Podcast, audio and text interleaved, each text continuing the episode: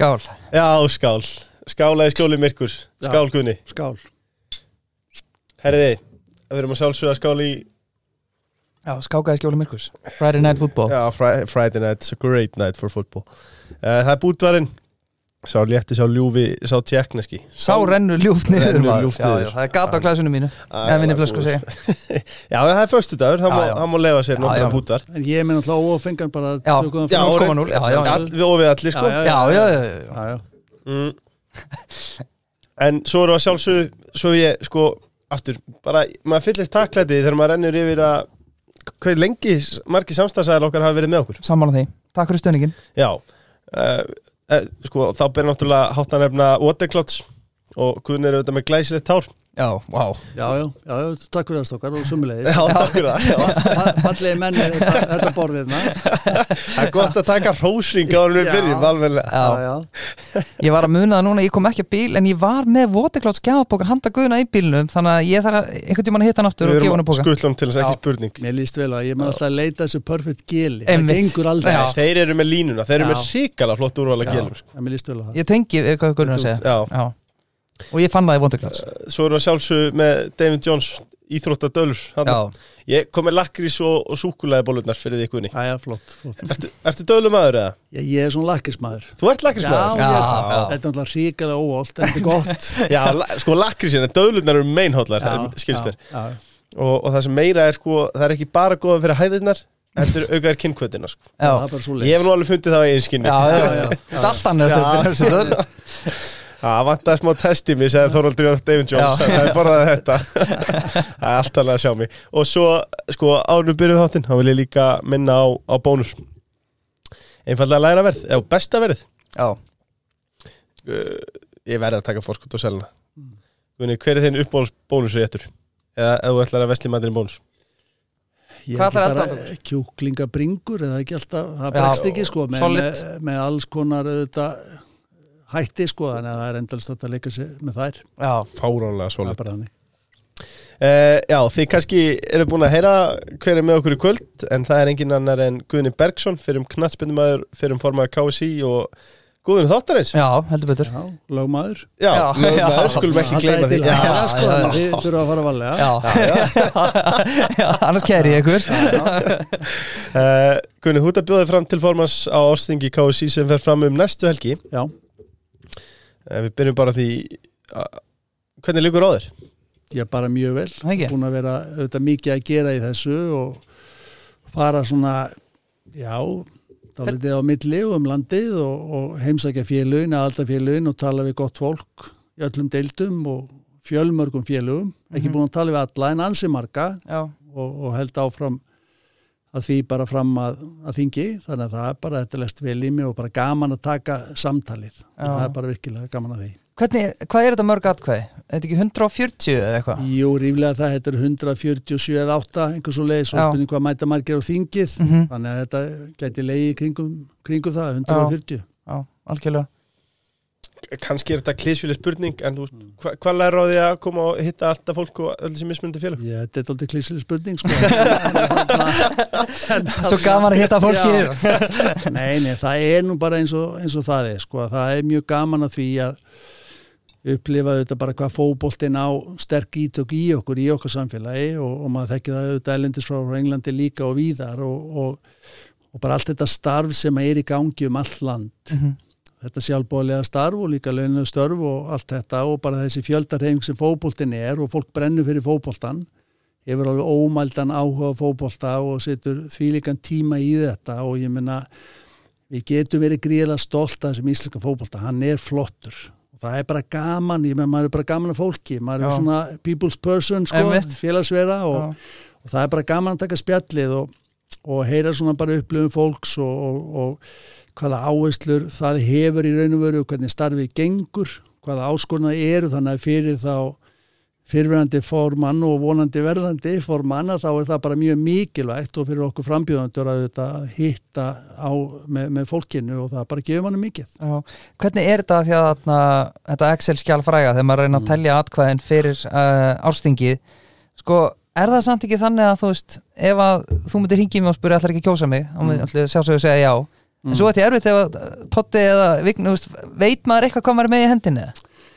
Ég veit að ég held að þetta er svona viti þá eru þessum frambósmálum sko bara líka í pólitíkinni og þá fótboltapólitíkinni að það er svona það er ekki alveg hægt að ganga út frá stöðningi og heldur kannski að ámilist rosalega vel á þig og bara þú ert okkar maður sko, Já. það er svona aðeins að tekka á veist þannig en, en, en jú, jú, maður kannski eh, maður, maður er ekki alveg íta fólk upp að vegg sko, veist, allar að kjósa mig eða hvernig sem að það er, en auðvitað reynir maður aðeins að átt að sjá því hvernig staðin er þannig Mhm. að þetta er svona pínulítil skák Já. þannig sé sko, þú veist að lesi í þetta þið þekki þetta, svona Einmitt. stöðu mat og, Já, og, og velta fyrir sér hvar tækið væri liggja og hvar þarf kannski dálítið að sækja og reyna, reyna að fá stuðning þannig að það er bara svona hluti, af þessum leik, má segja. já, Hanna, útskýrt á tungumáli sem við já, skiljum þig. nákvæmlega, skákin sko Já, já, bara hannig, sko. nú skiljið þetta miklu betur sko. Sikilega vörðin, já, það, sko. já, láttum við það ekki Sko, ef við byrjum á því, þú komst til okkar í byrjun oktober í í frábærum þætti sem ég hvet Já, já. allir til að hlusta á. það veit lengst í þáttu söguna. Það var, já, það var tvískiptur.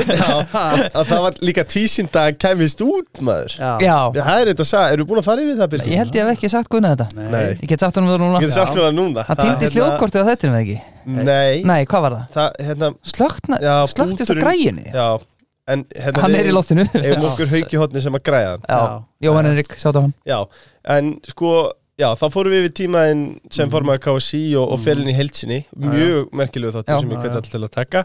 Um, en þá var Vanda sig ekki búin að gefa það út að hún ætlaði að hætta og þú Mhm. talar um í viðtalinu að þú er síðu vonaði að bjóða þið fram. Mhm. Hvað breytist?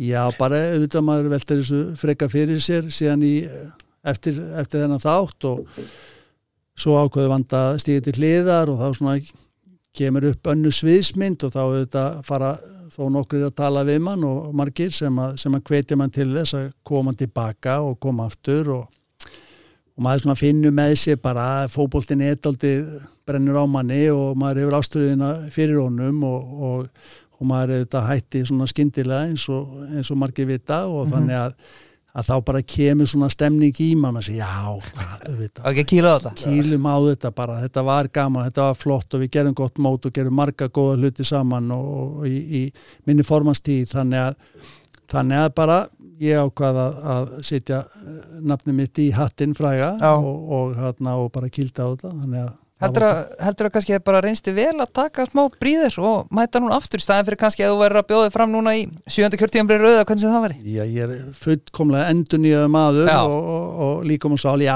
ég meina það, auðvitað hefur þetta verið alveg lærdómsríkur tími að, og, og eh, hvernig ég hvar frá og, og allt sem að það var að, að, ég meina, maður auðvitað horfir utanfrá og tóldi, þú veist, getur svona rýnt þetta, hvernig hlutinni voru og, og hvað var vel gert og hvað hefur betur mátt fara og svo framvegist, þannig að, þannig að það hefur bara verið lærdómsíkt, þannig að, að ég held að, að, að það auðvitað sé bara kostur í sjálfu sér að, að koma tilbaka og, og, og reynslun ríkari með alla þessa reynslu og þekkingu mm sem maður hefur Já. vissulega eftir formansferilin og, og, knaspinu mannaferilin og, Mhm. og alla þennan feril með knaspinu akademíunu og bara í kringum fótboltan öll þessi ár. Að, þarna, og stjórnastöður með val og svo framvegist þannig að, þannig að þetta, þetta bara einhvern veginn, þetta kallaði til minn og mér fannst ég verið að taka slægin Já, þú saknaði fótbollans Já, ég er samt alveg viðlóndi, við erum ennþá með knaspinu akademi Íslands og erum, að, erum að reka hana og ég er í tengslu við mín félög og, og, og þetta,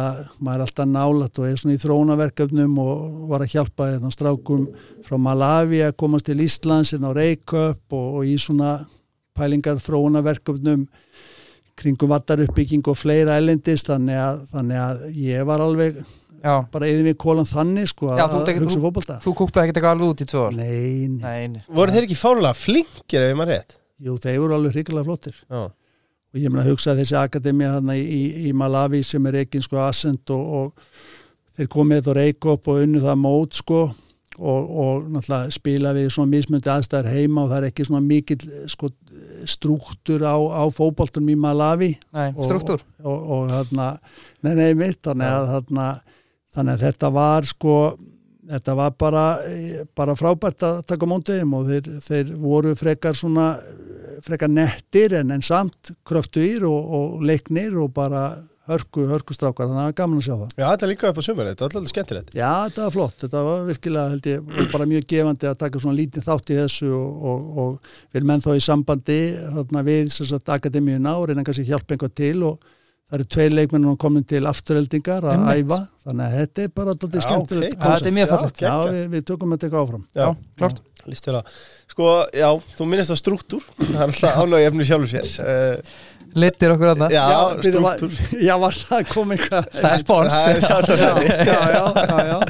Struktúr sjá að sjálfsögur Lindri og Lindris húsin Mm. um, Það er hús sem fá mýkt í, í og, og styrk Lindrisins. Rétt. Uh, Náttúrulega bara ótrúlega gæði sem að Struktúr bjóð, bjóð upp á í einingahúsunum. Mm Það er hægt að hanna byggingar sem hendi fjós, reyðallir, íþróttamennverki, verksmiður Býtu, lögatarsvöllur Já. Við þurfum að taka spjallið, Já, held ég. Við erum að taka trúna með það, það er sko.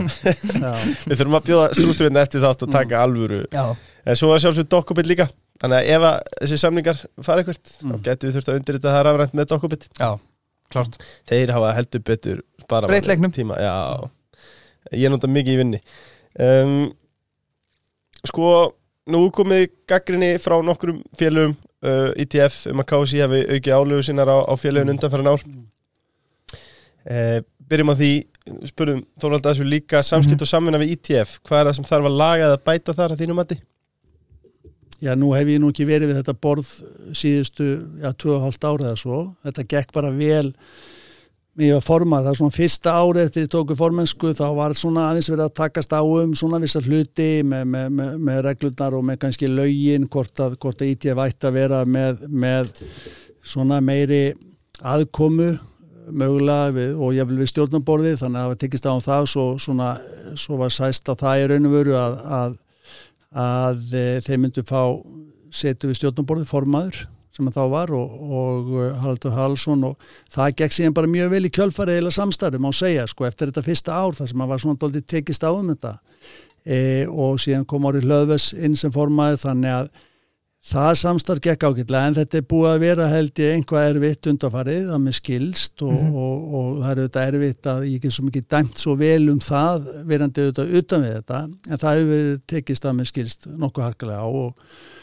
og ég minna, jú, jú, auðvitað getur fólk haft mismöndi skoðinni, það er bara eðlilegt en, en á endan meir við auðvitað bara ein reyfing, ein knaspinu reyfing og, og við erum með okkar knaspinu samband eh, og síðan einhver auðvitað hagsmunu samtök eins og til dæmis ITF og og fólk verður bara á endan með þetta að finna lausnir og, og vinna saman af því að okkar hagsmunir eru algjörlega eh, eiga samlið alla leið. Þannig, að, þannig að ég hef engar áhugjör af því en, en, en ég held bara þeir sem að kannski þá eiga bara og þurfa að taka það til sem gera það þá bara og síðan bara finna mennu þetta leiðina fram á því fyrir Íslandska fótbolta. Þannig ég hef ekki ómikla áhugjör af því. Já, kannski fyrir þá sem eru aðeins utan sem eru samt fótboldaáhuga menn það er að tala um þessari spurningu að það sé vera leggja auk, auknar álögur á liðin.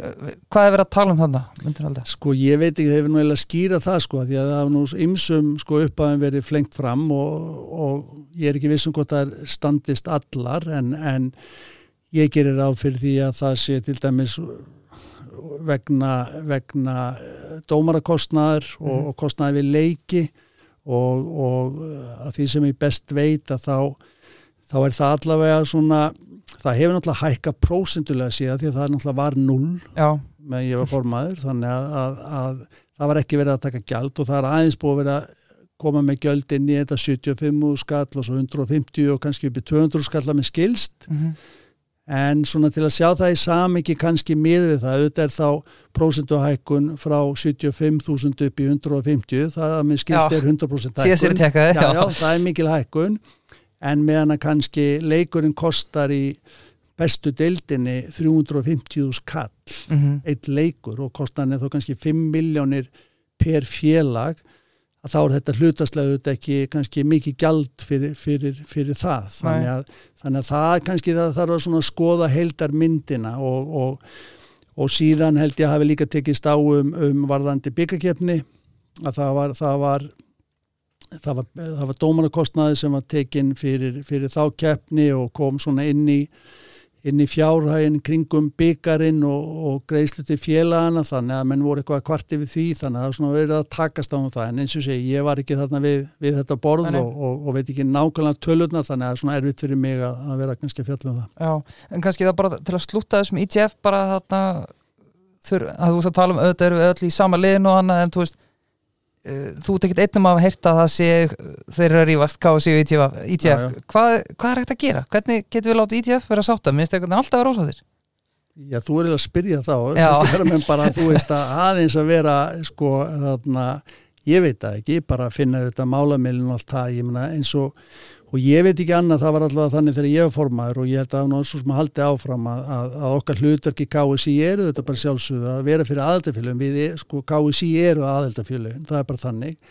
Þannig að ég held að þetta séu bara vilja gerðir að, að, að reyna að passa upp á það að, að eh, bara eh, þjónusta við félagin séu góð og, og gjaldtökur séu ekki og miklar og svo framvegs og ef það er einhvað einhver afgangur og fleira og ég vil áður en það er að þá náttúrulega eru greitir út styrkir og svo framvegis til aðeltafélagana sem er alltaf jafna svona 120 til 150 miljónur ári einhvers og leiðis og ég man bara á mínu tíma þessi rúmlega fjögur ár sem ég var það var greitir út tæplega 1 miljardur út til aðeltafélagana við náttúrulega fórum á HM og greitum meilhutan af, af þeim tekjum hagnaði út til aðaltafélagana svo var COVID styrkur og svo framvegis og þessi venjubundi styrkur og, og, og þannig að við gerum allt sem við gátum þá og ég held að það sé bara yfirleitt mantran nýri KSI að við erum auðvitað KSI er að þjóna aðaltafélagum og sinna auðvitað landslegunum. já, algjörlega, vel svarað Alltaf best af ITF er formaður þar, Órið Hlöðarsson eh, Mér finnst það persónulega. Sammála því. Já, Já, það er okkar maður. Orður er fínt, er það sponsor eða? Já, það er frumher ég er Já, já, hann er góð, já, já, var það ekki, myndi, já, já. Hann er ekki topp það litli maður. ITF og okkar. Já, já, Við erum, já, Jón Rúnar baka ITF en svo er það við líka sko. Já. uh, Aðeins, hvernig finnst þið bara það hafa tekist til með bestu deildina og úrslutakefnina sem alltaf kom inn á sama tíma? Já, ég er ánað með það. Ég, sko, þú veist, eh, þetta hefur verið þarna fínt en það er ok. Það sem að hefur kannski aldrei brugðist er það að, að við höfum, eh, sko, já, brugðist í raun og veru að hafa bæði liðin, sko, vikingur annars vegar og síðan breyðablík þar á undan, þarna unnið þetta með, með glæsibrag og svo valur líka, þarna kvennamegin, þannig að það kannski hefur vantað aðeins spennuna í þetta og, og þetta var nú meira spennandi kvennamegin en, en sko þannig að það svona kannski tekur aðeins glansin að þessu þú veist en, en ég held þetta að fá fleiri leiki í tímabilið uh, leiki sem skipta máli bæði í efri hlutunum og svo neðri hlutunum það er það sem var eiginlega ákvæði frá félagunum mm -hmm. E, og, og uh, ég held að þetta bara eftir að sanna sig og, og, og vera bara góð svit en síðan náttúrulega er ég líka bara rosalega ánað með næriðildabikkan og umspili í lengjudeldinni, mér fannst það geggja sko. Það var aldrei ég, þú veist að sko, ég var alltaf að þrýsta það hafandi verið í Englandi, Einmitt. bara stemningin í kringum þetta, mér fannst það geggja og ég held að það voru frábæri leikir vel að þessu látið og meiri sé að Maggi blessaður sko þjálfari afturheldingar já. sem að Þetta, þú veist, og hann var bara virkilega sko, flottur og síndi mikið klass og það bara, þetta er frábær system ég veit að þetta, þetta náttúrulega var ekki að virka fyrir okkur þetta árið en við komum bara sterkar tilbaka. Þannig að. Svaraði þannig? já, Flott hann gerði það. Já, vel gert. Ég er hindi í hann og líka bara í fjölmjölum kom hann svona fram og síndi bara klassa. Ég elska klassa. Já, er við elskum klassa. Já, það er er Líka bara því að þú veist, ég held þá voru við alltaf að byrja að tala um þetta. Við hefum aldrei byrjað að tala um þetta algjörlega og líka Ég man eftir að mætta á úrslitaleikin í lögadalum Ég veit ekki hvernig ég mætti síðast á leik í fyrstu dildina á undan því Einmitt sko. sko. Í nýstings kuldarendar, þetta var já. leikur og bara stúkan er köld sko, þess vegna þurfum við nýja leikvang. Já. Já, ég get lofa því, við komum að því að þér. Örstuðt, það eru brúðkomstæðar í Sútan núna. Það er svoleiðis? Já, um helgina. Já, laglegt. Já, nú eru brúðkomin að byrja ég. Já, sérsuminn, sérsuminn takk. Konur alltaf eftir ég fara að þetta í það líklega. Uh, Sko, eitt sem við verðum að taka að guðna uh, Hlutverkaskipti á milli stjórnar KSI og frangværtastjórnar sambandsins er náttúrulega bara reglu umræðinni, eðlilega. Mm. Það er meðalans mikið rætt um verkaskiptingu formanns og frangværtastjóra þar sem formann hefur verið starfandi á skrifstofu sambandsins. Mm. Sko að, ma að mati margra þarf að skerpa þessi skil og þróa formannstarfið meira í átt að hefðbundin í stjórnarformann sko líkt og bara þekkist í venjulegum fyrirtækjum Mm. Hver er þín skoðan þessu? Já, við erum ekki fyrirtæki sko. við erum við erum náttúrulega klaspinu samband félagsamtök og, og, og ég minna við rekum okkur auðvitað, ja, við séum alltaf KSI er auðvitað rekið eh, bara eins og ég, þú veist, einhver leiti eins og fyrirtæki, þú verður náttúrulega að láta bara endan á saman og svo framvegs, ekki ekki, ekki eh, ekki eigða umfram það tekju sem þú skaffar og, og, og, og hefur og þess áttar, auðvitað það alltaf að leiðljósi en, en sko við fórum í stefnumótun og skipurinn svinnu þegar ég kom inn í KSI 2017 e, með góðu fyrirtæki Expectus og, og e, settu það oddinn að, að rýnaði með skipuriði sem við gerðum og, og, e, og síðan í kjölfari í raun og veru líka halvu stjórnar og þess að þar var, var farið í svona að aðeins að ramma þetta inn, þetta hlutverk formans og endanum er það þannig að, að formaður og frangatisöru er að vinna svona má segja, einhvern leiti hlifið hlið þannig séð þótt að kannski formaður séu þetta formaður stjórnar, starfandi formaður. En, en í svona öllum samskiptum við, við stjórnvöld og í hagsmunagesti bæði með UEFA og FIFA mm -hmm. og bara ofir aðlega hérna heima bæði Ríkjoborg sem er gríðilega mikilvægt að að þá er formaður að taka í raun og þann bolta og síðan eins og bara í, í okkar dæmi þegar við breyttum í, komum inn með það að vera með knaspunusvið sem ég hafði sett á ottin og við með knaspunumál og síðan markasvið nýstopnað til að reyna að auka tekjusambansin sem við náðum að gera mm -hmm. 100 miljónir á ári sem aukningin og við höfum ennþá ennþá erum að njóta þess þessari aukning á, á tekjum þá var ég kannski að einbeta mér að því og þetta í góðu samráði við Frankræðsjóra og líka bara fylgjast með starfseminni farið þetta e, með landslegunum e, verðandi aðtunumæður og landsinsfyrirlið og, og, og fylgjast vel með eins og ég gatt og, og bara og það, þetta gaf mér auðvitað gríða mikla insýn fyrir utan það sjálfsögur síðan að, að vera í nánum sambandi við aldarfélögin og heimsækja þau og svo framvegs mm -hmm. þannig að það er að nóa af að taka og þetta er ekkit óvinnulegt, ég maður við vitum bara í stjættafélögum það sem að, að formenn eru, eru kostnir og eru svo að vinna við hliðin á frangtastjóra starfandi stjórnamenn hafa verið auðvitað við háa herrans tíð og, og þannig að þetta er bara spurningum mannleg samskipti og vinna vel saman og, og ég tel okkur hafi tekist það bara mjög vel, mér og klöru Já, algjörlega Mér langar að spyrja þig út í bæði hérna markasviði og hvernig þetta tókst að auka tökunar sem að nefnir svona stóri fjára mm. og líka bara eins út í, út í að hvernig kási aflar te tekja mm. tekna mm. Sko, já, það er nefnilega, og það er auðvitað skiptimáli að við verðum að vera út á gallegin og reyna að aflokkur tekna eins og við mögulega getum og að því að sko efnahagurinn okkar er eins og, eins og hann er þannig að við erum að fá 70% af okkar tekjum inn í KSI ellendis frá. Það eru þá styrkir og framlög frá bæði UEFA og FIFA og síðan sjómas mm -hmm. tekjur, sjónsetta tekjur og Þannig að það er að ljósta að það þarf að passa upp á þá hagsmunni bara ellendi sem að auðvitað maður gerir og, og, og eins og aðrar smerri þjóði þurfa að passa upp á gagvat UEFA og FIFA og það gekk bara mjög vel. Og síðan er þetta heima sem að, sem að allavega eins og, eins og þetta blasti við mér að manni fannst samningar við bakkjarla ekki vera eins öflir og þau getur verið með við hvað okkur var að ganga vel á þeim tíma sérstaklega í kjölfarið á 2016 EM og fleira. Þannig að þeir eru svona aðeins sko já, mér fannst að það væri, væri, væri gott rými til, til að bæta þar um og sem við gerðum og, og hérna fórum í það og síðan með búningarsamlinga fórum í það líka sérstaklega við, við, við buðum það út og svo framvegis og fá, fengum stó, stó, stærri fyrirtæki líka inn í þá pulju og letum svo menni raun og veru bara bjóða sín á milli, bjökundi gegja sko, myndbandum, íslenska fókbólta græsótina, kvennabóltan og, og náttúrulega katalanslið og allt þetta sem við höfum upp á að bjóða og neldum þetta með Puma og þeir bara sögðu bara, herru, við viljum vera með. Þetta var negla. Já, þetta var Já. negla. Þetta sýnir bara, þú veist, þarna emmaður bara á þeim tíma, bara sem formaður, bara ólinn og svo, herru, ég ætla að koma inn og bara, þú veist, gera mitt allra, allra besta til þess að afla tekna og fyrir fókbóltan og svo framvegs Og, og þetta var það sem við gerðum og það var bara mikilvægt. Og fengum inn mjög góða markasmann sem var yfirmaður markasteytar og yfirmaður sjálfins eða bara einnig markasteytinni þetta er þetta kási sko. Það, það, eru, veist, það er ekki dvola mar, margir að vinna átt verkin og, og, og ég held að það er bara farist, farist bara bara mjög vel og, og, og gengi bara mjög vel hjá okkur. Þannig að við bara mjög ána með þá útkomi og, og hérna, svo verður bara byggja og þetta og svo heldur þetta auðvitað áfram. Ég tristi því, ég veit ekki alveg hvernig það hefur verið en, en, en ég er alltaf tilbúin að taka aftur þátt í þessu að því að nú er samningu til dæmis að fara að renna út á næsta ári við Puma.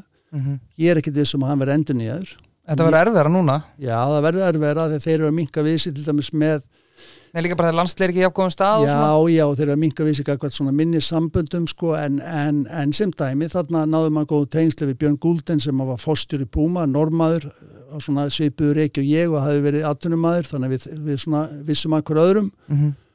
og, og nú er hann komin yfir til Adidas þannig og Já. fórstjóri þar þannig að nú verðum við að Það ringi að það.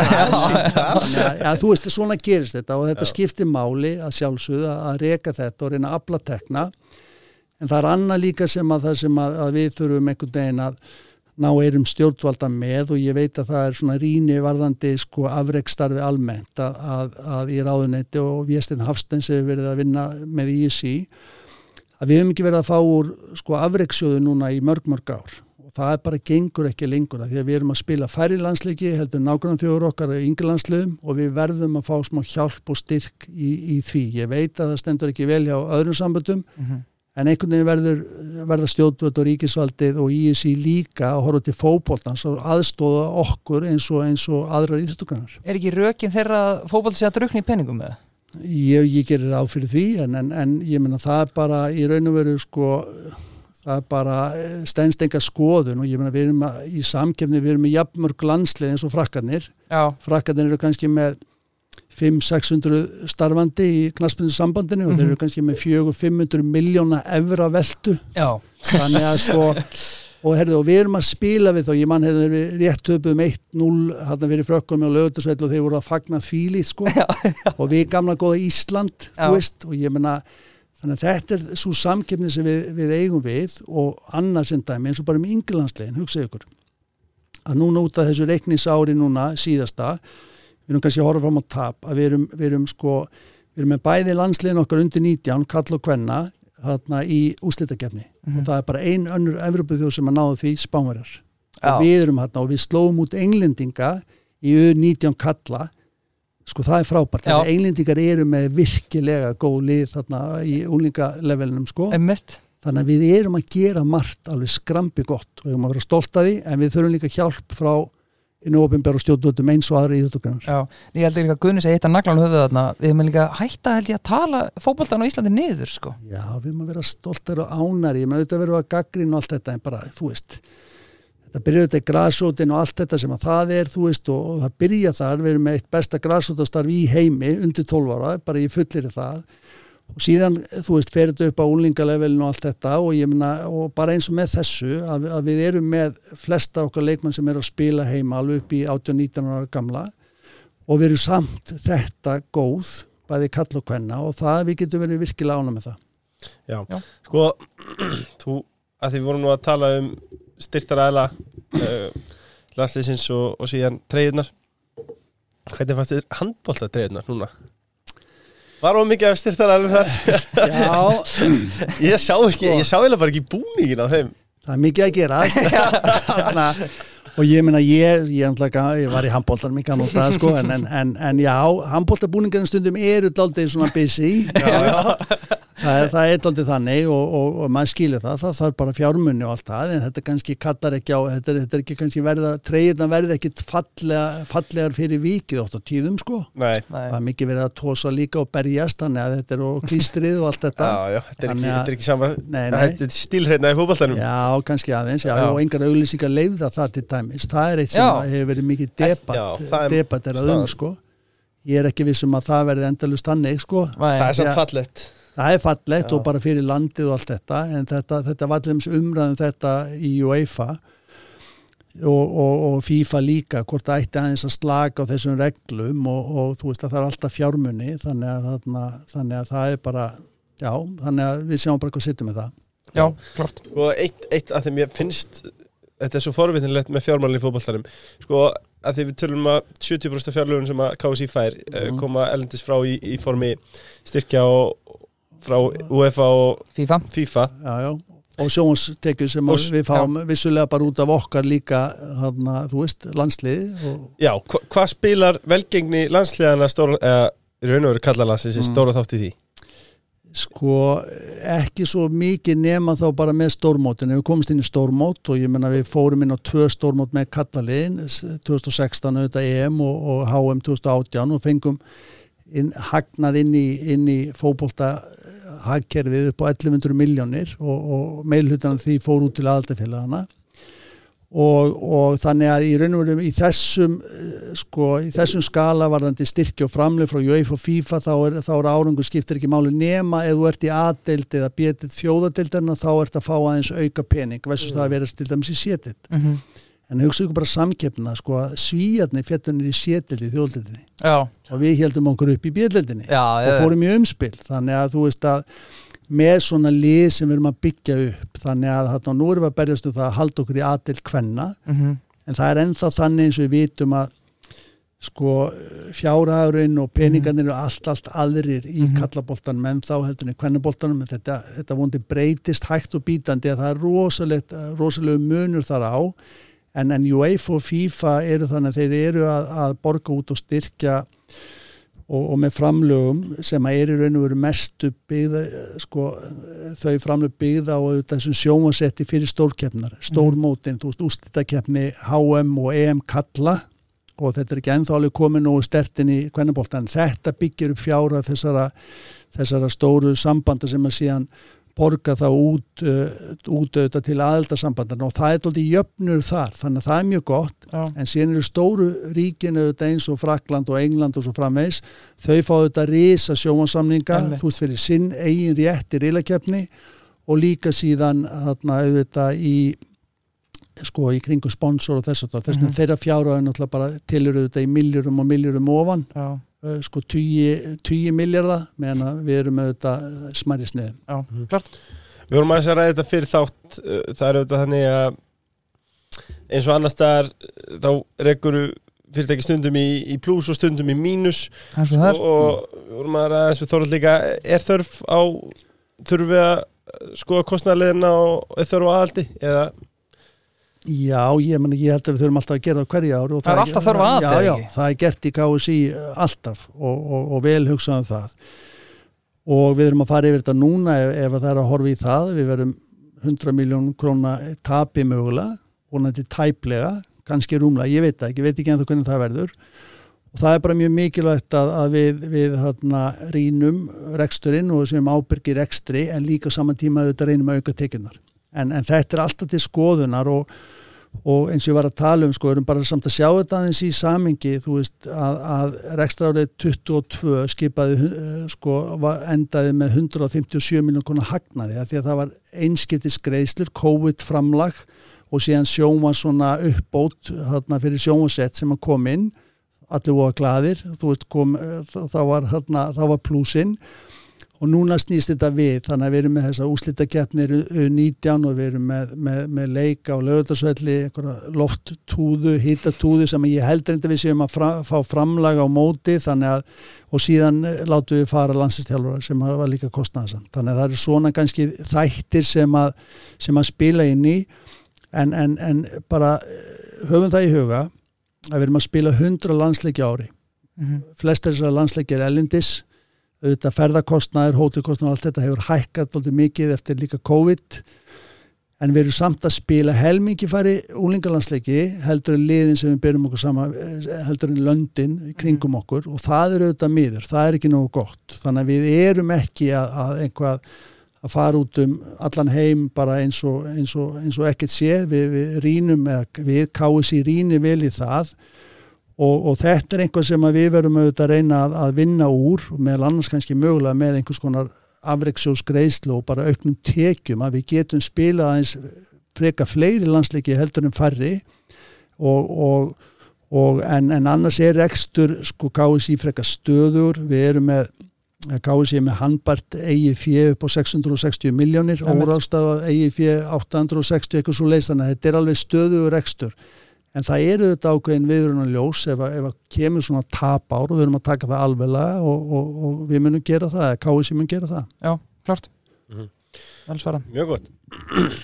Uh, Við erum að sjálfsögum með bytt Bleit raflaðan fylgir einstug Það er verið einstug axtisupplifin og ég hveti alltaf til þess að prófa byttbíluna fara í skefuna og byggðum pröfuakstur. Já, og það er líka annað, Já. það er lett að hafa umbúðu bara í bænum, veist ekki að kera sækja vatni yfir lækin, þetta Já. er bara í skefinu sko. öll umbúð koma út í sveit nema þeir sko Já, þannig að ei, ég hveti ykkur til þess að pröfu að kera bitbíluna, þeir eru, þeir eru æðislegir í akstri og svo er að sjálfsögum með hringt Já.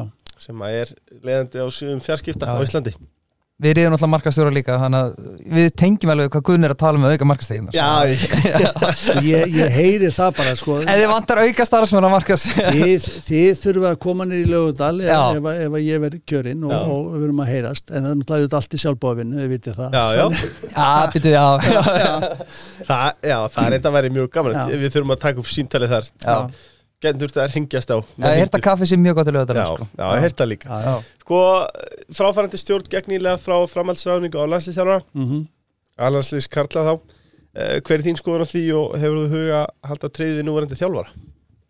Já, ég menn hann er með samning allavega og einhverju uppsagna ákvað eitthvað svo, leis, ég menna Óge Haræti, toppmaður, mikla reynslu og allt þetta, þannig að þarna ég talaði nú við hann á sín tíma sko, tekka á honum, Já, hann var hann bara ekki ok. laus og, og, og ég vildi svona fá hann í, í vittal og, og þannig að ég mætur á honum og hann er auðvitað mikla reynslu og við þurfum ákveðin stöðuleika núna og, og en mér fannst, ok, tímasetningi fyrst hann Já. var uh, undir samningi mér fannst hún skrítin, ég verð að segja það eins og er en nú aftur veit maður ekki allar aðstæður og fleira, hvernig það er hvað tónum og KSI og hvernig það var hann hefur kannski þýsta samningin út af því að hann var með eitthvað tilbúð, ég veit það ekki. Þannig að þarna, hann er allavega ráðinn eitthvað núna fram eftir ári og, og og það er bara vel og nú er er, er umspilið framöndan og við verðum bara að, að, að já, já, þannig að, að hann er bara með þetta kepli og, og okkur skortina stöðuleika, það er að koma sterkari mynd á þessi hópur er að þróast og hann er að styrkjast Mhm. hann er, hann,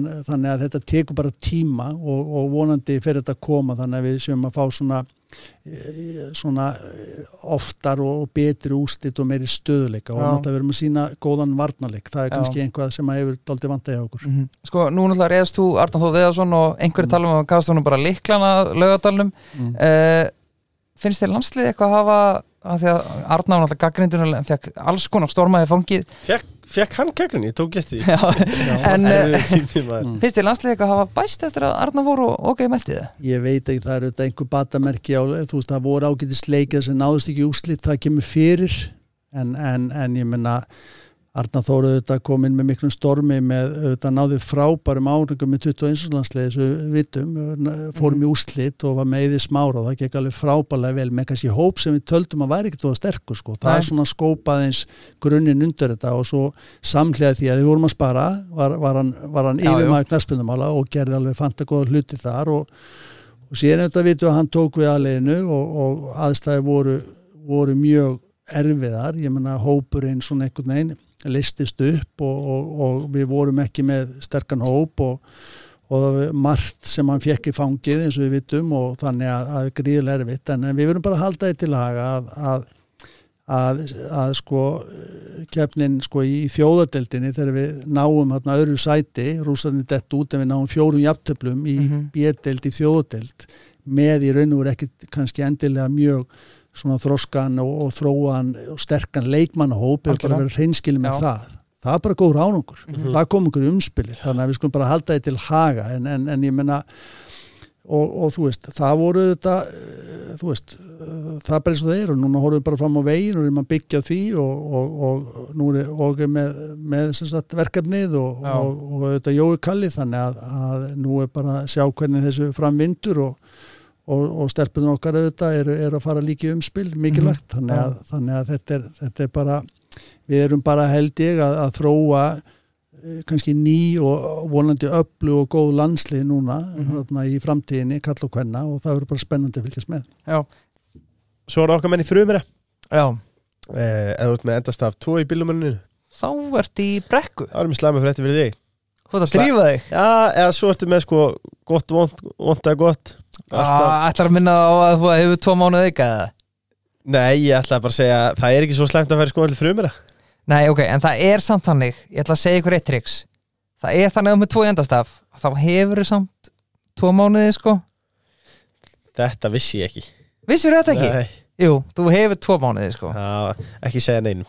Nei, Heldum svo okkar á villi ekki segja henni Seinasta spurningin að, sem snýra frambóðinu við hjólum í mannin þau verðum auðvitað að gera það líka. Jú, jú. Eh, sko annaflokkur, dómgæsla þar. Mm á KSI að skaffa hva- þeir eru ekki kallaði línudómara lengur aðstofadómara aðstómara já ég menna ég held að vera æskilegt það er auðvitað alltaf æskilegt að, að skaffa og, og, og útvega það sem að þú getur í þessu. En, en, en við erum með okkur vandraði með, með dómara við bara fjölda dómar og þess að þar og manna allar þessar dómarastöður.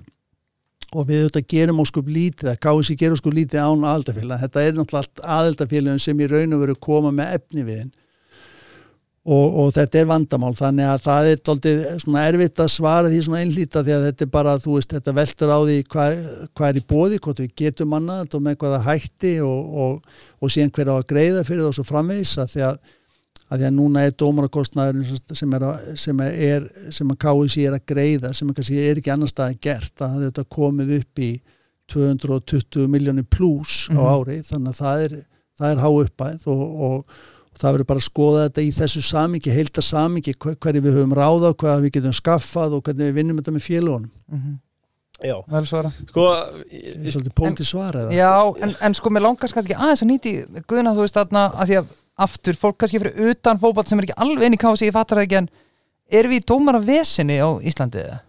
Ég, sko, ég held bara uh, þetta eru það núna er verið að skipulegja sko, það verið að skipulegja 8000 leiki á vegum KSI sem að KSI sér um og ég mótu KSI og öðru mótu líka reyndar en 8000 leiki.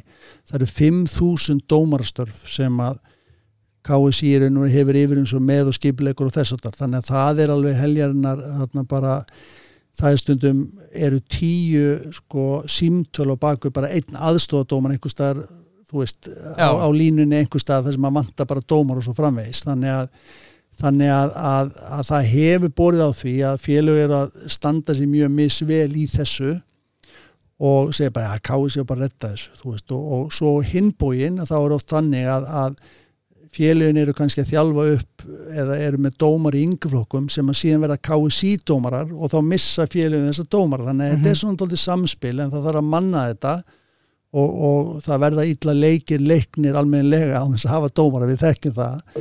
Þannig að þetta er svona við þurfum að reyna að gera einhvað til að fá þetta fleiri til dæmis konur, það er ekki marga konur að dæma og bara þú veist með, með auknu og fjölda leikja og þess að það verði náttúrulega bara að reyna að, að gera betur og hafa einhvern veginn held ég bara kvatakerfi til þess að til þess að, að félög kannski sjáu sér bara hag, þarna, hag sér í því að, að skaffa dómara og, og vinna þetta með og með KSI og það er auðvitað búið að vera alls konar átök í gangi í ára raðir þannig að KSI er alltaf að reyna og félögin líka en bara mismikið. Mm.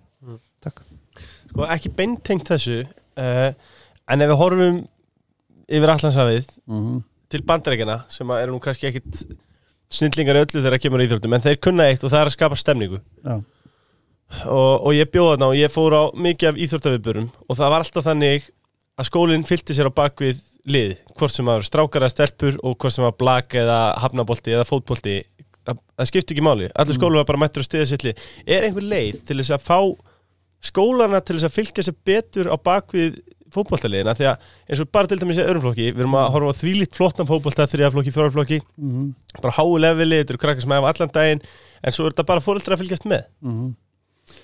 Já, ég meina góða punktur, þetta getur verið, þetta er svona aðeins öðruvísi heldur líka kerfi í bandarækjum, þetta er alltaf skóla miða meðan með, með við höfum þessi hverfisfélög sem að sjá um þetta. Mm -hmm. En ég held að tengingin við skólana væri þetta væri af henni góð eða væri hægt að kominni á. En það er einhvern veginn þannig að hún er ekki beint alveg eins og, eins og, eins og kannski í, bandarækjunum og, og en það er auðvitað þú veist bara, bara góðu punktur sem að, sem að væri kannski hægt að vinna. Þegar við sko höfum aðeins ágjörð því að, að eins og gott koncept eins og besta deildin er, kall og hvenna að, að þá eru við sko þá er svona áriðatölur aðeins að lekka þú veist, þetta er allir leikir í sjónvarpun og svo framvegis, þannig að við erum kannski að koma úr því að meðatali var kannski fyrir já, fyrir COVID og eitthvað slíkt þarna, þúsund manns á leik 1100 manns, ég vil aðeins herra þegar þú ferð tilbaka, sko ég hef stilt kalla til dæmis Mhm. e, og nú er þetta komið niður, niður í 800 og niður fyrir 800 þannig að það er svona, þú veist, þannig að við þurfum að skapa þetta aðstöðu, góða aðstöðu það er erfitt að breyta veðrinu, það er mjög snúið. Já. og, og, Ef einhver þá var Ef það þú þú verður- kjörur, hvernig ætlar að gera það? því að Það hafa verður næsta spurning af mér. Með því að hafa tak yfir tak en, en eins og segi, en það er bara að skapa einhver, einhver andrúslót og maður tók eftir til þess bara auðvitað með velgengni eins og hjá vikingunum að ég býn hún er í Fossói þú veist að þá er bara stemning og mikið í bóði, bæði mat og drikk og allt þetta og það er bara stemning á svæðinu og, og, og ég hef líka stundu velt fyrir mér, ég meina ég var að skoða það að, að, að spila til dæmis aðeins á laugatugum Já, þú veist eins og getur í Englandi leik- Englandi. líka. já, kannski einhvað og ekki of seint á, á, á, sko, á lögatöfum finnst mér heldur kannski bara 2 og 4 eða hvernig sem Já. það er eða ef einhvað leikur, leik okkur með þetta en, en auðvitað viljum við fá fólk á völlin það þarf að huga miðaverði það þarf að huga þessu og tengsli við sjónvarpið Mhm. ef þetta náttúrulega sýnum við alla leikina og það er bara gott og blessa en þá kannski getur verið að það hafi einhver áhrif á aðsókn en á Já. móti er þá sjónvastekjuna meiri og svo framvegist þannig að þetta er allt svona, þetta er svona einhver balans Já. sem við þurfum að finna út og hvað við getum gert til þess og þetta með góðum fótbolta og þegar deildin er spennandi og, og liðinu þínu gengur vel þá þetta mæti fólk á öllin Hjörvar Haflega er búin að tala við Dr. Fútból hann er að tala um að það sé lélugum mælikvarði á áhuga Íslendinga á bestutildinni út frá áhörendafjölda af því að þú veist, Mm. þetta er orðið svo ógist aðgengilegt þú ert með 100 Já. hlaður upp á fjallum þetta, þú ert með eins og segir verið að sína alla leiki er ómikið einfallleiki fólkinni í að vera bara að horfa á lækandi áhörendafjölu en auðvitað, þú vilt ekki spila yfir svona tóma Nei, völd nei. Nei, ég er sammála, ég held að sé eiginlega bara þú veist, þetta er, eh, þú veist, þetta, þetta er rétt en, en, en samt ekki þannig að að þú vilt hafa þetta áhundur en það er alveg satt, það er gríðalegur áhugi á, á fótbolta og ég með bara podcast eins og þessi sem er náttúrulega þetta besta í landinu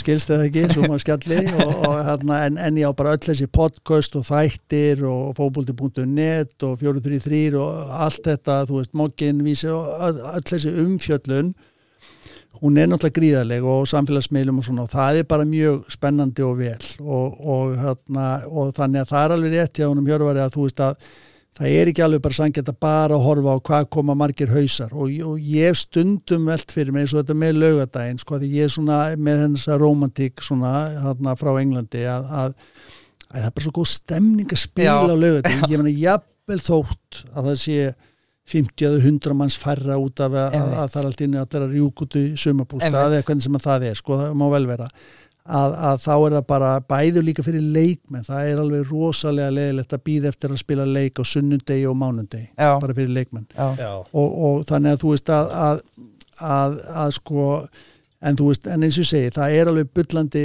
áhugi á fótbolta og rosalegur og náttúrulega enska boltanum eins og við vitum, sko, Mhm. ég hef alltaf verið að tala um sko, herðu, ég þól ekki þeirra, þú veist, ef þú spurt með hvað liði heldur, þá kemur eitthvað United, byrju, nei, heldur með hvað, heldur með Káur Víkinga eða Val eða hvernig sem Já, er, sko, já. þú veist margir segja, sko, enska liði á undan. Mhm. já, já, ég vil eiginlega algjörlega breyta þessu Já, við þurfum að gera það. fengi einhverju ráðum um það að við verum fyrst Íslendingur og höldum okkar liðum hér sko en, en áinn og fótboltam eins og við vitið hann er bara gríðalur. Já, algjörlega. Klart Sko, bútar, þessi áfengisleysi, hann er orðin 0,0 ekkert smá góður. Vel góður. Svo er að sjálfsögum með búlunni. Já, og ég fór í ég fór í, búl, fór í búluborgar í ger já, vel gert. Fór í kóngin Ægælar, smakkaði það vel Ertu, ertu Nei. búlumæður, Gunni? sko ég er búlugauður sko Já. Já, ég verði vikið, ég er hambúrgara þú veist, ég fer á, ég fer á veitingastæði sko og svona, og ef það er einhver hambúrgari á massinum þá er ég bara orðin til spennt ég, ég ætla ekki að fá mér en sko þetta er bara þannig Þú gjóðar alltaf augun maður ég er bara átt að vera að horfa á fiskinn en það horfir verið að hann Ég er með einfaldar smekk en góðan Já, en, er en, en ég er, er samt að reyna ekki allt á nei. en, en búlan er, er, er, er bara algjör topp toppstæður Já, Mm. þetta er meðmæli Sko, talandi um meðmæli á hvað, á hvað þjálfara læriður mest og hefst nú lestur Terry Venables, Peter. Shreves Colin Todd eða D. Sam Allardyce og hversu mikill kongur var hann svona í framhjölufi Já, hann var náttúrulega eh, sko, ég læriði mikið af öllum þessum eh, öllum þessum þjálfurum og, og hérna og Venables var náttúrulega alveg einstakur karakter og svona taktist á undir sinni samtíð spilaði frækt að kalla jólatrið sko, það var svona þú veist, eh, svona format þannig að það var sko, þú veist, það var fjó- fjóri, þrý, tveir, eitt sko. Mhm. Já, já, já, og, og, þarna, og, og síðan hann sko uh, já, hann hefði út samt að spila mér aðeins mér, ég spilaði svona helmingleiki á tóttunum, sko, hann hefði getað fengið aðeins meir út um mér, en, en að ég var að spila bakur, en, en hann var toppmaður og, og blessi minninga hans að nýláttinn og, og og mjög vinst að leikmönnum og, og svo var þetta Svo var ég með Bruce Ríok sem var hann á Bolton og svo Colin Todd og svo náttúrulega samanleitaði sem var svona, svona uh, þjálfarin minn sko má segja. Þannig að við áttum mjög góð tíma þegar við vorum að, að, að festa okkur í sessi að nýjúlustettinu og fara svo í Evrópakefni þannig að, þannig að hann var bara líka svona sko svona uh, sko menn menn menninsi sko. Þú veist það var svo góður bara þú veist einn og einn og, og, og einhvern veginn let alla heyra það þurfti en var líka bara bakkað upp og og, og var svona líka sko framústefnulegur meira en hann var kannski þekktu fyrir sko doldið að spila Veist, gamli skólinn gamli skólinn sko en hann var samt mjög svona eins og því að forward thinking. Var, við vorum með alveg frábært þarna, við vorum með Prósun og undan öllum félögum í, í Englandi bara, og, og bara saman tíma Man United. Og hann eitti miklum pening í sko allan aðbúna og allt þetta og með, með svona sko eins og sports science og með ástandssjálfun og allt þetta sálfæðinga og allt þetta, hann með það alveg upp á tíu og mm -hmm. það er svona doldið sem að ég sko að því að sem að ég er svona að hugsa eins og hvernig við byggjum upp fókbóltan okkar að þú veist að þú ert að vera eins reyna að vera klárar en anstæðingun eða þú veist við sem minni þjóð við erum að vera eins þú veist eins og bara gerðist þegar best lætur við náum liðseldinu og erum við skipu, mm -hmm. skipulaður og skipulað þú veist í leik okkar og allt þetta þá, þá eru hlutur að virka og kollurinn er rosalega mikilvægur bæði bara fyrir einstakleikin og líka sem þú veist þegar þú tala um liðseld ef allir eru að róa í suma átt og svo mm -hmm. framvegs og, og þannig að hann var frábæð þjálfur en svo náttúrulega bara, ég var líka með Ian Ross hérna, sem var ennsku þjálfur sem þjálfur okkur í val og Ásker El heitinn, hann að landsinsþjálfur þannig að þetta voru allt menn sem að höfðu mikil áhrif á mann bara, bara afnum góð og topp menn og, og maður bara mjög ánæður að, að fá að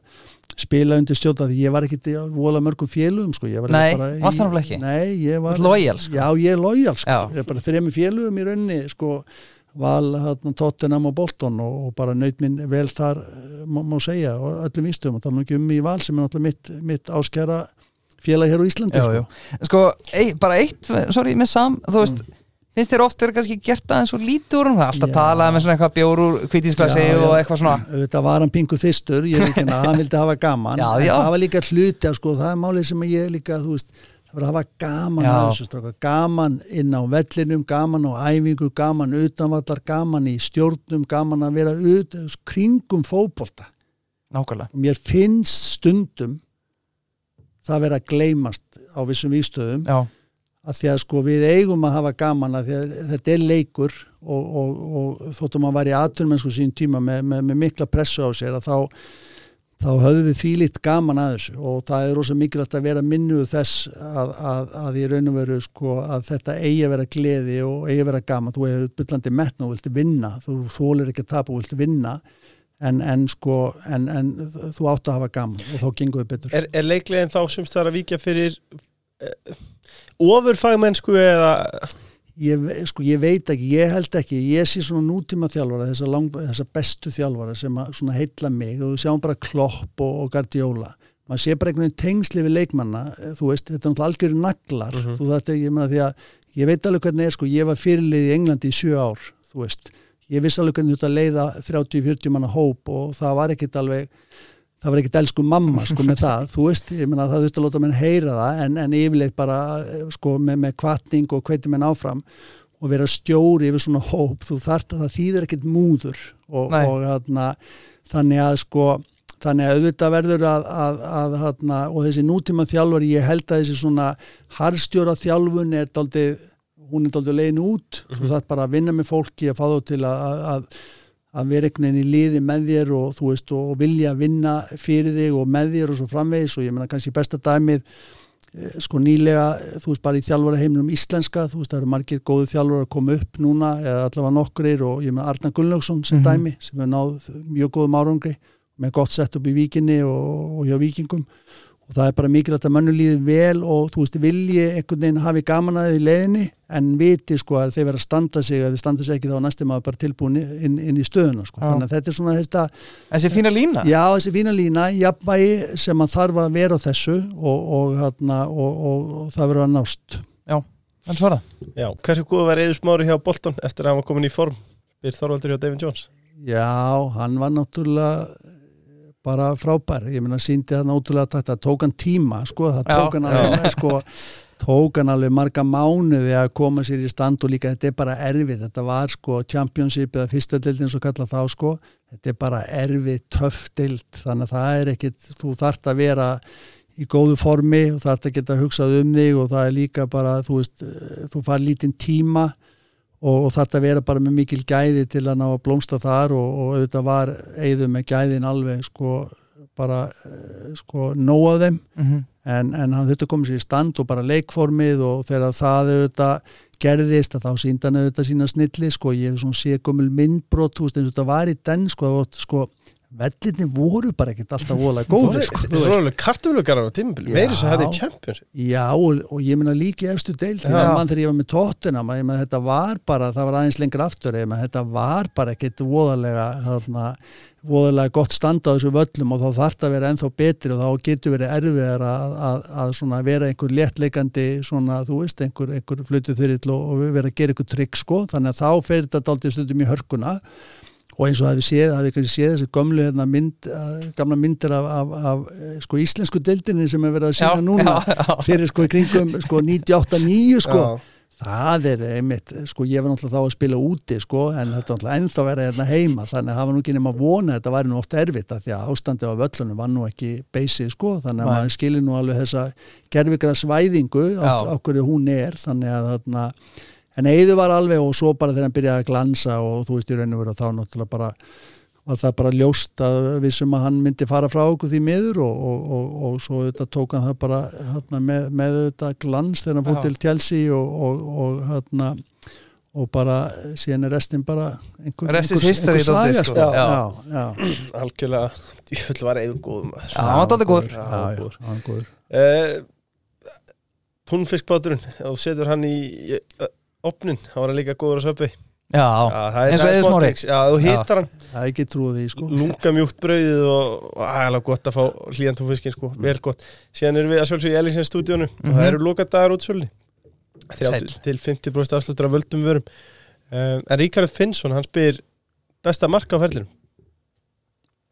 Já, þú segir nokkuð. Sko já, ég held að hafa nú verið langskot sem ég áttu í, í hérna, úrvastildinni ennsku móti, móti bansli held ég að já, vera ég held að það sé rétt að Já, Há bara miðjunu eða? já, þegar ég segi það nú ekki alveg, sko, við erum ekki að fara ykkur um, sko, en, en það var, það var af 39 yards, sem þetta er 30, 36 metrar og, og, og hana, það var eitthvað djóki kringu það því að þjálfarið er að sko, bansli, hann, hann æfti sko, hann æfti hann að shoot eitthvað í gríni. Já, en við erum að horfa á þetta inn í stúdíónu sko, boltin er að rúlla frá mér Strákar, og þá er svo erfitt að ná hann er ekki, hann er ekki að koma móti mér. þannig að þetta er eins og Siggi Sveins að í gamla dag sko, með handbóltam þetta er geislabissu skot sko. og, og, og þetta er á svo löngu færi að það er bara, þú veist markmanni hefur sko, það tók hann þrjá fjóra sekundur átt að sjá því hann var í, hann var í sko, miklu vesinni sko. upp í vinkilinn, þetta er náttúrulega verið mjútvarpi þetta þetta var skemmt en ég var nú heppin að skora ég skora nú ekki mikið með landslið Íslands eins og menn hafa grínast með. Eitt mark í 80 leikum sem var náttúrulega bara högg þú veist en, en ég fór náttúrulega ekki fram fyrir miðju í fyrstu 50 en, en þarna leikjunum. En ég náði að skora alltaf grimt á tímabilið um Bolton og, og, og átti þarna tíu mörka í tímabilið og, og þannig að það var svona gaman því. Þannig ég ánu nokkur í viðbót en þetta held ég sé nú að besta held ég. Já, þetta er svo kallega skrýmur já, Já. er það. Hver á eftirfærandi var með mestu gæðin á þínum tíma í Bolton? JJ Okocha, Júri Djorkaeff Ivan Campo eða Kevin Nolan Þessi er erfið Þessi er erfið. Já, það er nú sko J.J. Okocha með mestu gæðin en kannski sko Djorkaef meira veist- Heimsvistar eða ekki? Jú, heimsmeistar og maður átt að sjá átt að sjá þegar maður þetta spilar og, og, og æfi með svona mönnum sko hvaða því ég var ekkit endilega svo mikið fan þannig sé sko að ég vissi að þetta væri góður eðlilega sko en, en svo áttum að sjá að hann er svona góður sko veist, og frábæleikmaður og bara svo yfirvegaður og, og hann að kalla snákurinn sko hann var alveg rosalega lungin sko náði alltaf að finna einhverja glöfur og, og, og spilaði frábælega svo frábær náungi sko og bara hann að gegjaða strákur og þannig að það var, það var hérna, heldur gaman að vera með þá í línu með sér sko og, ekki. og hérna, við svona komum aðeins með misjupt gæði til borsins þannig, að, þannig að, að þeir voru bara J.J. Kotze var náttúrulega bara listamæður og, og, og bara entertainer Já. þú veist og, og, hérna, og Djörka hefur náttúrulega líka og þetta voru og, og þetta Kevin Nolan sem er bara líka frábær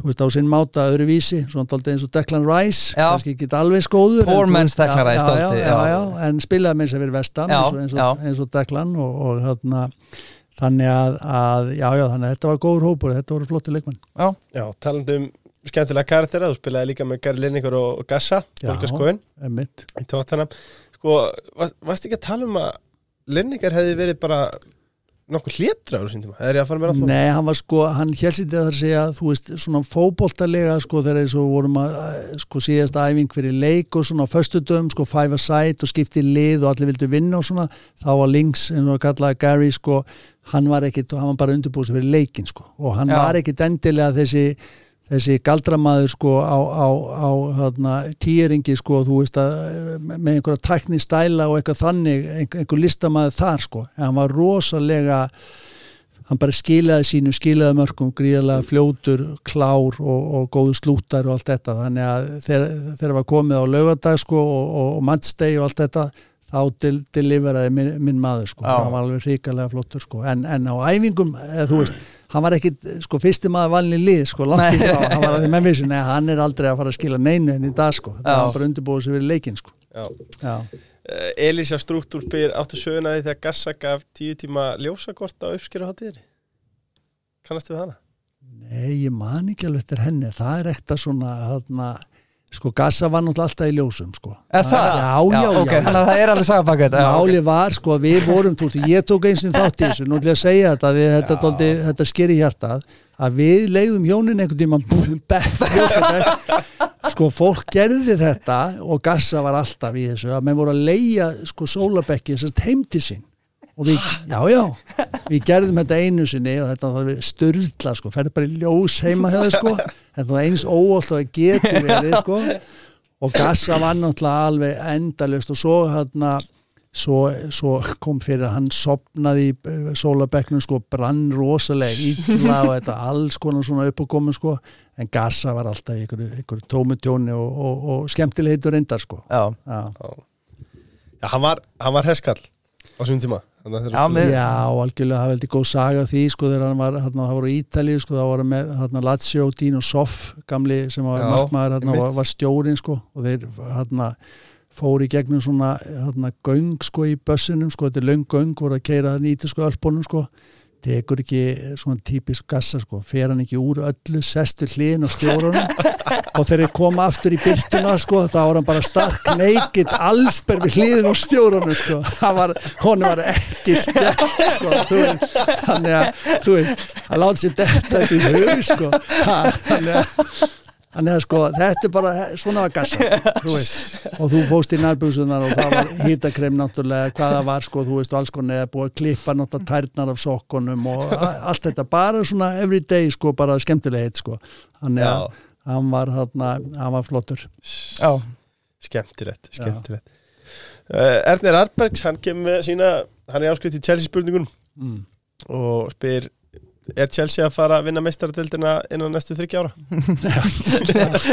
Góður, það er alltaf von, er alltaf von, en þeir þurfa bara að byrja því að, að vera allavega í, sko, í efri hluta deildarinnar Já. og það er auðvitað síni bara, þú, þú stokkar eins og þetta, sko, með, þú veist, peningar er ekki allt í þessu. Og hugsiði bara eins og bara samanbyrði með, með Liverpool og Everton, sko, Everton er búin að eigða miklu meiri pening heldur en Mhm. Liverpool undan farin 5 eða 7 ára eða hvað það er, sko, en, en, en hafa náttúrulega voða lítið að, sína fyrir það, sko, og, og Chelsea, ég meina búin að eða sko miljörðum og miljörðum ofan en þetta er bara ekki lið. Og Pochettino sem er toppstjóri náttúrulega náður Mhm. frábærum árangri með, með Tottenham hann er bara ekki alveg að ná utanum þetta, þetta tekur tíma og ég er ekki til sem að hann fái þennan tíma sko. En, en ég, ég er sko hann bara má ringja í mig og, og segja ég á ekki vonað því nei, ekki, ekki innan þryggjára Eh, Hvort var betra að búa í London eða Bolton?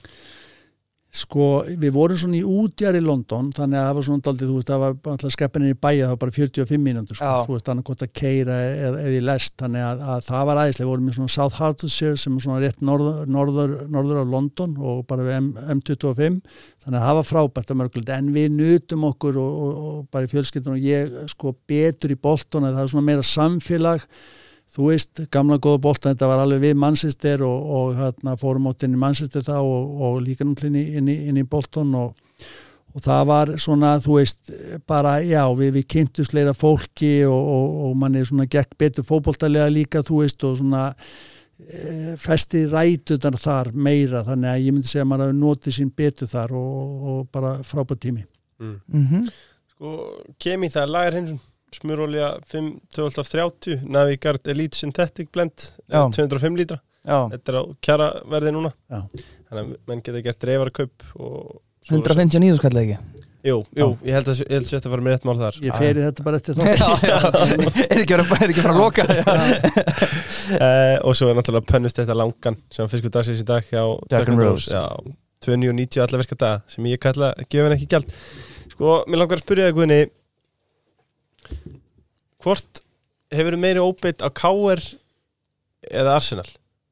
Nei, það, þetta er góð spurning en eins og algjörlega ránglega orðu sko, ég myndi alveg tíma að segja Arsenal, en sko, að því að máli er náttúrulega með, með tíu tíma og náttúrulega maður svona aðeins orðin sko, svona eldri og, og, og jafnvel miðaldra, samt ungur miðaldra. Já, já, saman að því þá gerir maður sér auðvitað grein fyrir sko, þú veist að, að, að þú ert auðvitað ekki dána anstæðingana og, og, og það skiptir miklu mála að eiga góða anstæðinga og Assan er mjög góður anstæðingur og var, var Tottenham anstæðingur er enn og hafa reynda því miður haft mun betur heldur, en, heldur en við Tottenham menn í svona titlasöfnun og fleiru. Og sama með Káar auðvitað í raun og veru nema kannski með titlasöfnun svona eða þó, jú, þeir hafa auðvitað unni fleiri íslensmestrar titla kalla megin en, en, en kannski ekki hvenna megin en bara þú veist, káir, valur, valur, káir þetta er bara, þú veist, við verðum að eiga hvort annað og bara að, virðingu og, og elskum að vinna auðvitað káringa og káringar elska að vinna okkur þannig að ég ber auðvitað mikla virðingu fyrir káir og, og, og hérna bara flottu klúpur, engi spurning þannig að, þannig að ég bara, ég, ég dáist að báðum þessum klúpum en, en Hefur meira- þú samt smá þessu? Já, Arsenal geta verið aldrei, þú veist, eh, pirrandi sko og, og hann, en, en það er bara, þetta er samt, þetta er flott félag, maður verður að vikina það. Já, Já, já. ekki spurning um, Já, næst er spurningin Hvernig sjáum við nýjan lögutarsvöld?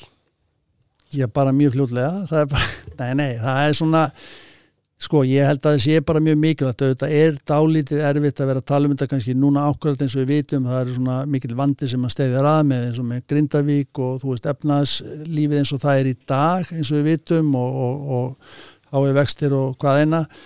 En við verðum auðvitað að horfa til þess að við erum að horfa til lengri tíma og þessi aðstæð okkar er auðvitað ekki bóðleg og er bara eins og vesta í Evrópu. Og, og okkur var, var gefin voru gefin lofvorð uh, undir í döð og, og í, í þessu virðilega skjali um að stjórnvöld ætlu að fara í útbóð á, á þjóðuleikvangi í lok ást 2018 á HM árinu, Mhm. allir voða glaðir, fín myndtekin og allt þetta Já, en við það var enga með staði. Við fórum í ákveðna vegferð með, með frekari þarfa greining og rýni, ok, gott að blessað, en einhvern veginn eins og svo kom COVID og, og það einhvern veginn dappbotnin úr þessu og við hefum kannski ekki verið nógu fylgin okkur í hagsmunagæslinni að íta á þetta en, en, en það getur líka verið erfitt. Ef, að- ef að borgin og, og, og ríkið er ekki að ná saman þá er þetta lítið sem við getum gert. Við getum auðvitað barið í borðið og eftir öskrað en, en sko stjórnvöld verða auðvitað bara að sína ábríð þessu að, að þetta er bara hluti af íþróttalífinu og það eru veiga mikil og góð rauk bakvið þetta að ríkisvöldi fengi 55% tilbaka af andverði sko, byggingakostnaða bara í sko- sköttum og gjöldum. Og, og þjóðaslegt virði svona framkvæmdar bara á ári var 1,1 miljardur bara í svona auknum umsvum og alls konar sko afleitum bara sko hag sem að svona, svona mannverki myndi leiða af sér. Þannig að þetta í raun og veru borgast tilbaka ef svo má segja og svo kolla kolli og og við verum bara átt okkur á því núna við getum ekki spilað hérna og, og sint þessum fókbóti sem við þurfum að gera bæði með félagsliðin í Evropakeppn og líka landsliðin. Og við erum bara, við, við horfum fram á að dragast aftur.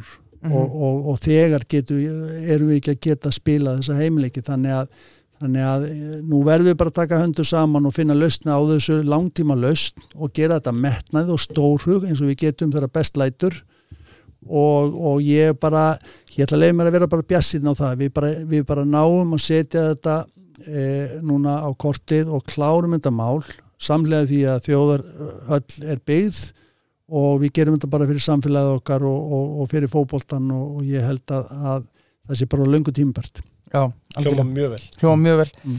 uh, Bara nokkru punktar í blá lokin uh, Byrjum á því að Arnarhjörn Gersson hann er búin að vera út um allt í fjölmjölum að tala um uh, sumafrí leikmanna og eitthvað lámarslaun og eitthvað og- Hvað finnst þér um þetta? Já, ég menna hann er auðvitað í hagsmuna barótt og hagsmuna gæslu sko mér finnst þetta alltaf skrítið. Ég, ég held að við eigum erfitt með þetta sko með sumafríð, ég bara sé það ekki virka. Ég sé það bara ekki ganga upp. Við erum að virkilega ströggla með að, keira þetta mót eins og við gerum það núna og, og við bara gætum ekki gert þetta, það er ekki bæði haldið og sleft, það er ekki bæði þetta fá þú veist, ég meina, þetta verður auðvitað að bera sig bæði tekilu og fleira og við höfum verið að greiða leikmönnum alveg ágætlega fyrir. Eh, ég skil alveg þess að kröfum um, um lámaslaunin, ég held að með því er þið bara svift sko fótunum undan, undan rekstri þó nokkra félaga eh, sem að myndu ekki ráða við þetta. Þannig að, að ég held að verðum að sjá það í því ljósi og ég held að þessi allar að vilja gerðir auðvitað að gera vel við sitt fólk og sína leikmenn en við verðum auðvitað að hafa ráða þessu. Þannig að ég er ekki vissum hvort að og ég sé ekki alveg að þetta sé sé bara raunhæft að, að, að samþykja þessar tilugur og, og hrinda þeim framkvæmt. Já, algjörlega. Svo ég held áfram með tillögum á þessu þingi. Þetta er eina af þessum þrem tillögum. Svona, það eru fleiri tillögur svona þrjár sem að gripa auga allavega mér, það var þessi. Mm. fjölga leikunum að skýslu upp í 20 og að viki frá verði frá þeirri reglu að setjandi stjórnamenn í KSI megi á sama tíma gegna trúnaðastörfum í félögum og freka verið tekin upp almenn hæfisregla í starfi stjórnar. Hvað finnst þér um þessar tvær tillögur? Þetta meina varandi eins og með að, að, að þeir með ekki vera í Setjandi stjórnamenn með ekki vera í trúnaðar Já, ég sko, ég myndi ég sko ég er sammála því að, að það bara fari ekki vel á því að, að fólk sé annars staðar í stjórnum að það bara kallar á hagsmunna áreikstur og, og þetta eru líka bara svona leipindi reglur, good governance sem við erum með frá UEFA og FIFA með það að, að, að það getur ekki verið þessi áreikstur, þú átt bara að vera fyrir fótboltan allan mm -hmm. og ég held að það geti bara leitt af sér að menn fara að berjast um að koma sínum mönnum við borðið og, og sínum fólki og, og, og þarna ég held að ég held að það borgir sér ekki að fara að breyta því. Nei, þá er það eiginlega bara að loka spurningin nema að segja einhverju punktar sem að þú vilt koma inn á en það er uh, af hverju á fólk að kjósa þig og uh, já, hvað með Guðni Bergson standa fyrir sem nýr formaður? Já, ég stend bara fyrir í raun og veru bara góðum fótbolta, Mhm. gott og heilbritt fótboltalíf, bæði í rekstri og þetta ekki síst inn á vellinum og ég held að við séum bara getum verið eins og ég hef rætti í þættunum mjög, mjög stolt af okkar starfi í fótboltareyfingunni á, á svo mörgum og eiginlega öllum sviðum sem slík og það er mikilvægt að hafa í, það í huga að það er pláss fyrir alla, við erum að verið allan fótbolt í öllum deildum og sérstaklega um all land og við erum Mhm. að passa upp á að hann þrýfist og dafni allstaðar og, og við þurfum að hafa það vil í huga þannig að Þannig að ég held að ég kom bara til bórsins með alla mína þekking og reynslu, bæði sem formaður, leikmaður og stjórnamaður og svo framvegis, knaspunangutum Íslands og allt það sem að, sem að og náttúrulega mína löffræði þekking og lögmaður.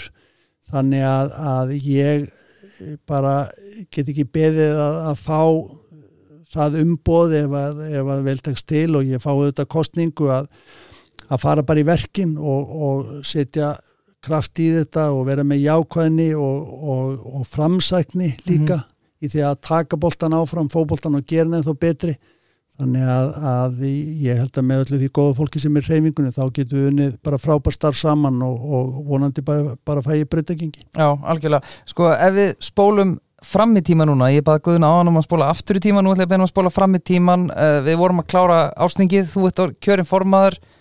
Uh, hvað munu fyrstu dagarnir fara í og er eitthvað sem þið finnst auðvitað ertu búin að setja utan kási núna en svona fyrstu málun sem hún vildi velja tækla Nei sko, núna erum við ekki að fara að dingsa þessu þannig ég verð ekki að fara að svara þessu þannig að það er bara sko þetta er bara no-no. Já, við mig- við mig eftir viku. Þetta gengur ekki sko. Ég bjóðið mér bara aftur í þáttin Já. enni þáttin og höfum hann bara svona þrjá klukkutíma og Já. þá getum við farið yfir Já, þetta. Já, það. Er ekki bara hérlega það? Guðni, takk fyrir kvöldi Takk sem leiðis, Já. mér var ánægðan Gangið þið vel. Takk, takk, sem leiðis